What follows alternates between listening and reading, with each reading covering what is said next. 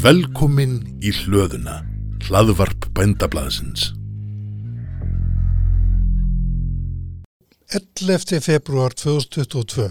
Ég heiti Aðsett Sigurkjesson, ég starfa sem fagmálastjóri skórættarinnar og mér var falið það verkefni í þessu laðvarpi að fjalla um ákveðið sértækt mál sem er hvernig trén gera gagn fyrir okkur mennina. Og ég ætla ekki að fjalla um allt millir heims og jarðar hvað þau framlega mikið timpur eða binda mikið kólefni eða venda jarðvega eða annað. Ég ætla að einskorða mig við eitt og minna áþreifanlegt þetta fyrirtalda um þetta gagna trjám og skóum. Og það er spurningin hvað gagna skóurinn eða gagnast trén sem vörd gegn hugsíki og fleiri eimslum mannana. Og hvað segja vísindin um það? Ég ætla ekki að fjalla um það hvað fólki finnst eða hvað einhver hefur sagt mér. Ég ætla að einskorða mig engungu við það sem byrt hefur verið í reytrýndum vísindtímarautum með jafningjamati. Nú, fólk þarf nefnilega ekkit að vera gegnsýrt að núvitund sem að sumir kalla vakandi aðtikli, árvekni eða gjörhyggli. Hvað þá einhverju nýjaldar mömbu og djömbuði til að skinja að Tré í umhverju okkar eru holl fyrir heilsu okkar, jamt líkamlega heilsu sem andlega, það er að segja sálarhill. Vísindarlegu gögn liggja fyrir um þau mál og samantekki niðurstaða þeirra er skýr og einlít. Tré í almannarými, tré í umhverju okkar, þau veit okkur ró og sálafrið, trén skapa í hugum okkar rólegar og örugara umhverju þar sem fólki finnst þægilegar og skemmtilega að ganga, hlaupa eða reyfa sig en það sem ekki vext nokkur tanni. Uh, aðeins útskýring hér, tanni er östfiska fyrir trjá eða trjágróður. Trjá vindasömu nollægum slóðum, svo sem á Íslandi, auka skjól og gera útvís bærilegri þar en á berangri þegar kaldir vindar blása. Nú trjá sólríkari stöðun nær miðbaug Þau draga úr ingeislun sólar á jörðu og draga með því úr lofthýta þegar það er heitt í veðri sem aftur eigur vel í þann fólks. Eflaust er þetta ástæða þess að vísindamenn í Kaliforníu fundu að 10% meiri trjáhula í íbúðakverfi dróður offittu um alltaf 19% og gagnaðist þeim til að ná bættiri heilsu sem þjást af til dæmis ekkusíki 2, asma og háum blóðhristingi. Kaliforníu búar, þó það sé nú oft sól og lít, fara oftar út að reyfa sig þar sem er að finna tré.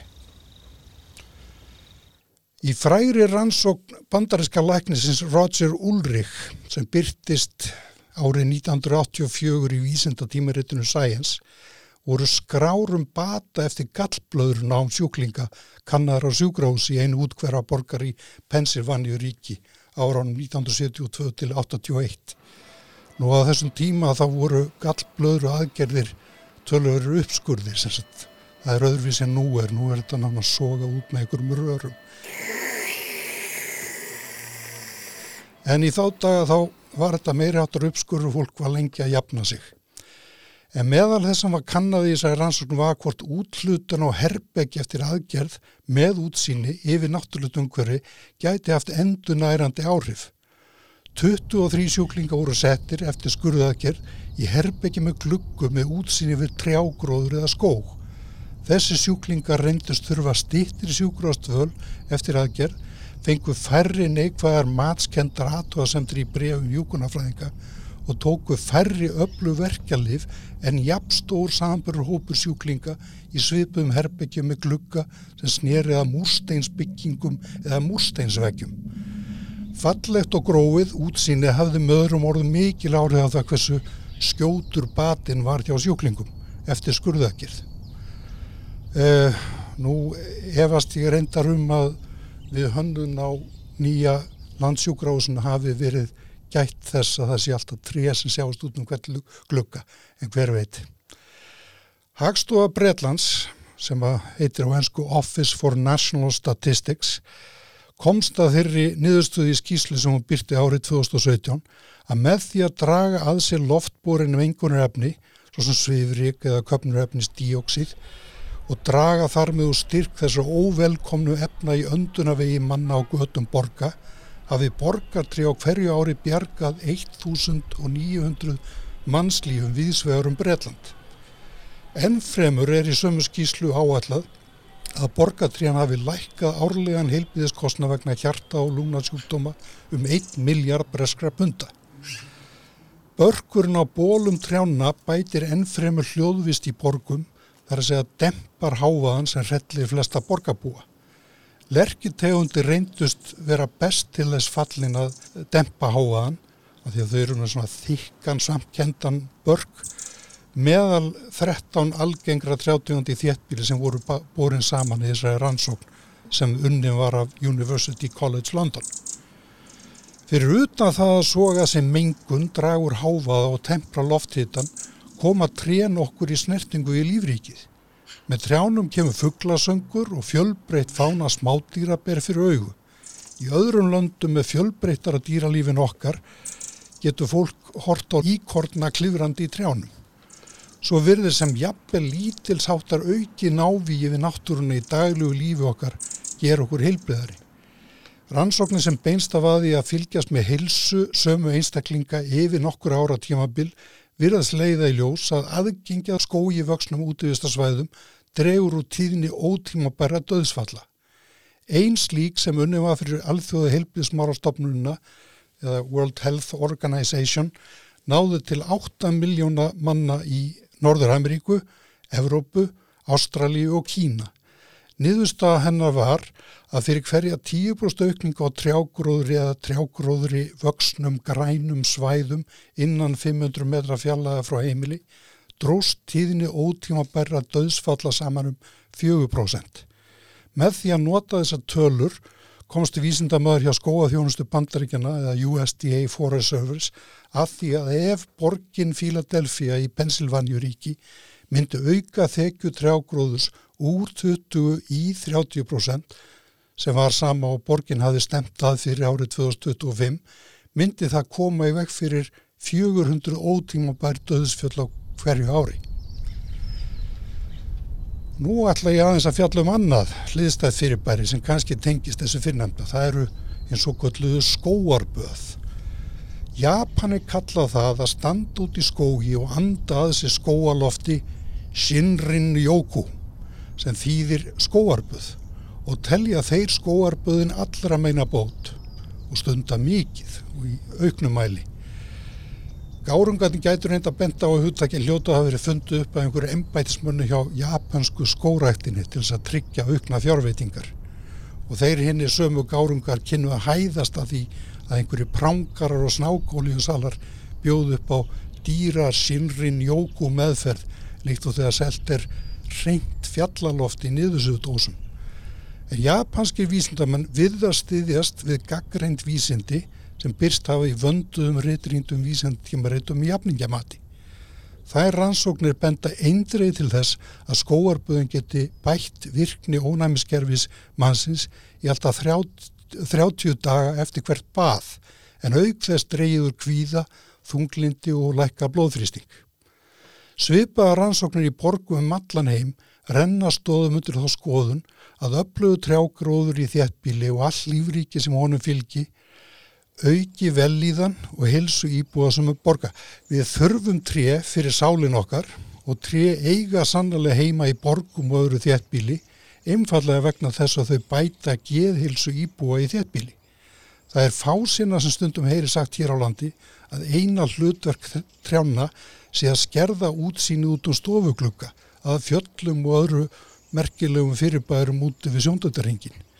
Rannsók sem fór fram í Hong Kong, sem er einhver þéttbílisti staður í heimi, leiti í ljós að 30% meiri þéttleiki trjáa í þeirri borg hefði í förmið sér þrýðvingi minni hættu á sálrætni streitu íbúana. Í Ástralju var gerð rannsóksin aðutal tæplega 50.000 borgarbúa. Þeir íbúar sem höfðu aðganga grænum svæðum í næsta nákvæðin sínu með 30% skóaþekju voru þrýðjungi ólíkleri til að þjást af sálrænum kvillum en þeir sem höfðu aðeins 10% skóarþekju í nánasta umhverju sínu. Af þessum á ráða að markmiðum 30% skóarþekju í þéttbíli ætti að vera eitthvað sem flestar borgir ætti að stefna að. Þetta hundraslutfall, 30, er raunar það sama og nú er meðaltalið í borgum Evrópu. sem er mun herra hlutfallin almennt gerist í borgum út um heim utan Evrópu. Jafnvel innan Evrópu er ekki jafn hátt hlutfall. Í Englandi er meðal trjá og skóarþekja á 180 þéttbílstöðum aðeins um 16%.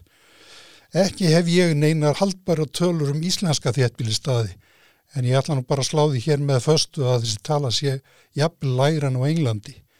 Ef skoðar eru loftmyndir á höfuborgarsvæðinu hér sjást aðeins fáinn tri og limgerð á stangli í engagörðum og fáinnum útvistasvæðum og lofti sínast þessi skói vöxnu almannarími íbúi höfuborgarsvæðisins vera krækibir í helvíti. En snúum okkur nú öðru, skóginum sem líkamsræktastöð. Skóurinn nýtist ekki aðeins til þess að bæta andleta aðgerfi, svo sem með skóarböðum eða til að hlusta á fugglasöng. Skóurinn er vel til þess fallin einnig að stunda nöðsila líkamsrækt, draga úr kyrsegtu sjúkdómum og auka vel í þann sem fæst með auknu flæði endorfína um líkamann. Og kannski að þess að útskýra endorfín eru flokkur fjölpeptíða flokki ópjumefna sem myndast í miðtögakerfi líkamanns og líkjast hormónum í sumu tilliti og slæfa sársökallems tengjast unastuði heila. Endorfínin, þar er auðvitað hægt að ganga í skóginum, stunda gönguskýði eða fara um á fjallahjólum og fá reyfingu, en það er líka að finna óþrjótandi önnur verkefni sem reyna á líkamann og bjóða upp á fjölbreytt og aðliða reyfingu fyrir þá sem vilja taka til hendinni og hýrðum skóin. Sjálfur hef ég aldrei komið inn á hefðbundna líkamsrættastöðar. Ég þekki þessa staði einungis að afspurn, en mér skilst á þeim sem þar þekkja til að þar sé mikill háaði, mikill hamagangur og stæk svitalikt. Slíkt er ekki að finna í skógi. Eina háaðin þar er að minni eigin keðjusögn. Eina líktin sem ég finn þegar ég er að grísa með keðjusinni er ilmkjarnar ólíulíktin af nýsöguðu timbri. Ég meiris að hættur að finna bensinlitt eftir ég tók í þjónustum mína rafluðu drifna ramaskeðjusög. Líkamsrættastöðuna skógin er hægt að nota allt árið, óháð veðri, því þar er alltaf skjól. Fyrir þá sem eiga skó, til dæmis skóabændur, er þessi valkostur alltaf fyrir hendi. Fyrir þá sem ekki eiga eigin skó geta þið gengið skóratafélag og fengið þar útrást því á vegum skóratafélaga er víða búið að rækta mikinn skó sem þarfnast umhyrðu og grísunar. En besta líkamsrætta tækið sem ég þekki er keðjusöfin. Ég lærði ekki að vinna með keðjusöfin ég var löngubú með doktorspróf í skófræði. Frá þeim tíma hefur stór hluti frítíma míns farið að grísja, fellatrið draga bóli og greina langa leiðir, búta á niður og kljúu í eldi við. Eins og önnu líka hann sagt, verður þetta fíkn, endorfin fíkn. En ólíkt mörgum öðrum fíknum er skóarvinnu fíknin okkur öllum holl og er fíkn sem lengi lífið. Takk fyrir í dag.